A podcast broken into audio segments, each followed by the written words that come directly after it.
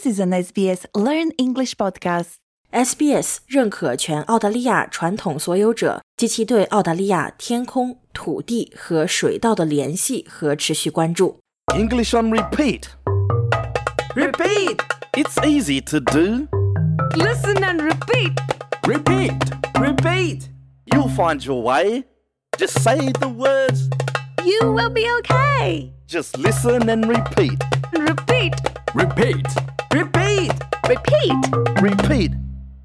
大家好，欢迎来到 English on Repeat 播客第六集，我是雨夜。今天呢，我们要探索的话题是我们居住的空间。从充满城市喧嚣的城市公寓，到提供宁静休憩的郊区别墅，我们将踏上一段旅程，探索我们称之为家的多样化场所。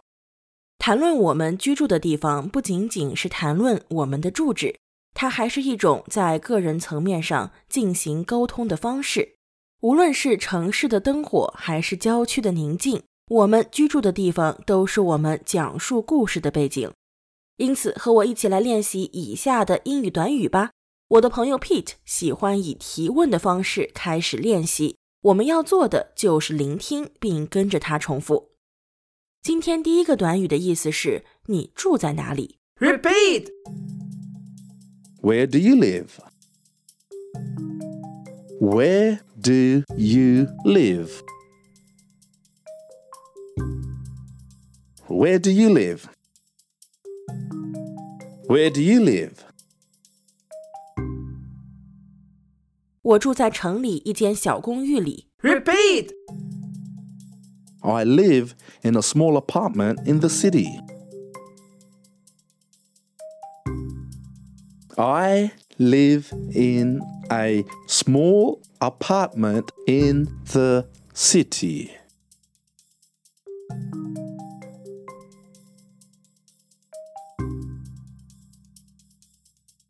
I live in a small apartment in the city. I live in a small apartment in the city. 我住在一栋有两间卧室的房子里。 Repeat! I live in a house with two bedrooms. I live in a house with two bedrooms.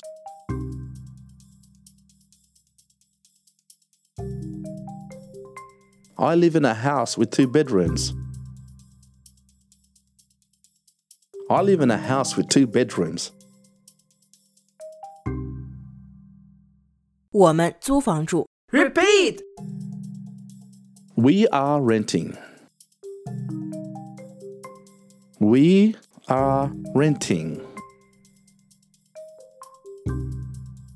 We are renting. We are renting. 你离公共交通近吗？ Repeat! Are you close to public transport? Are you close to public transport?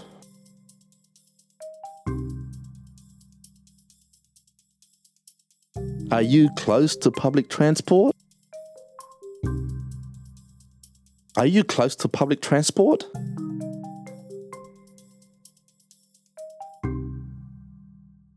理解了每个短语的意思后，让我们重新回顾并练习再说一遍。也许大家会想借此机会探索与自身具体情况匹配的不同词组。 Repeat! Repeat!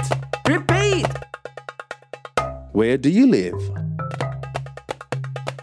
I live in a small apartment in the city.